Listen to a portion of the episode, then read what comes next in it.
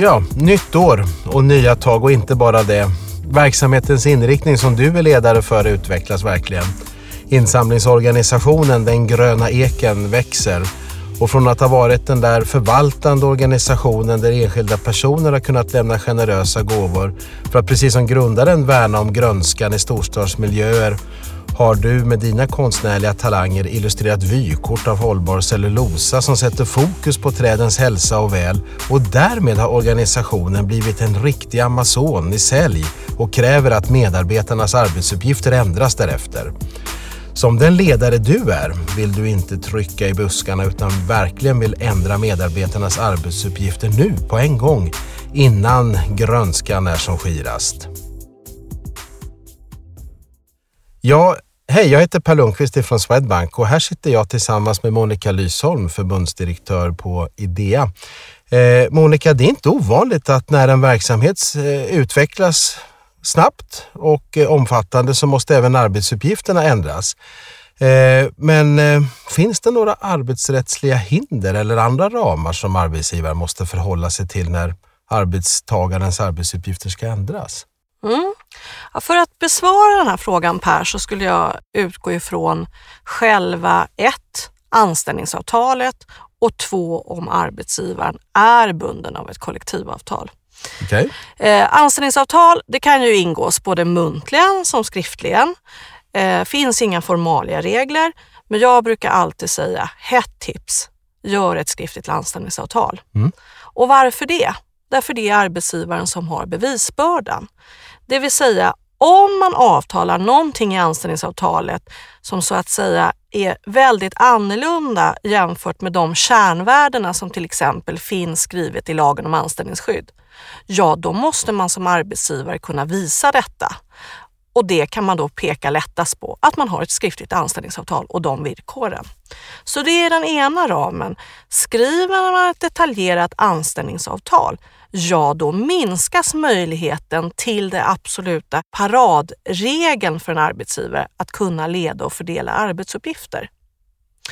Eh, så det är den ena väldigt tydliga begränsningen. Hur har du formulerat anställningsavtalet? Och kan jag leda och fördela arbetsuppgifter utifrån den beskrivningen som finns i anställningsavtalet? Okej. Okay. Eh, men var eh, kommer kollektivavtalet in i det hela då? Ja just det, det är egentligen det nummer två som eh, jag ska gå in på. Det är kollektivavtalet och man kan säga att det är den absoluta yttersta ramen till leda och fördela arbetsuppgifter.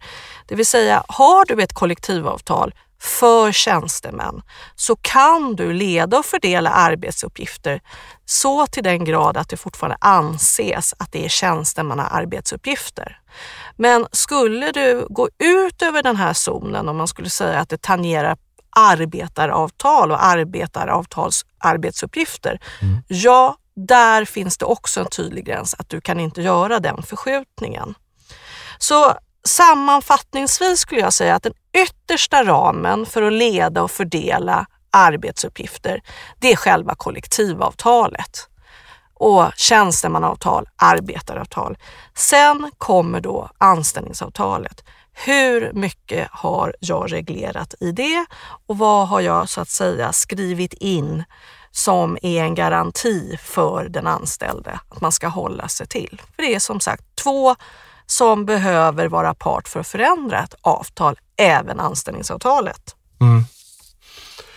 Så eh, om jag försöker sammanfatta det hela så kan alltså Gröna Eken numera rikta in arbetsuppgifterna på den mer säljande organisationen som den har utvecklats till.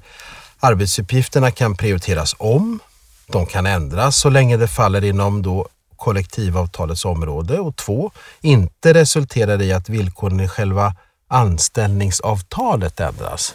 Helt riktigt och det är därför jag tycker alltid som arbetsgivare så bör man ta en funderare innan man skriver ett anställningsavtal. Hur detaljerade villkor vill jag ha? Det kan ju vara ett plus, det är att man vill vara tydlig. Det här är vad jag förväntar mig av dig som anställd. Men två, så kan det ju vara en inlåsning och en snävare möjlighet att leda och fördela arbetet.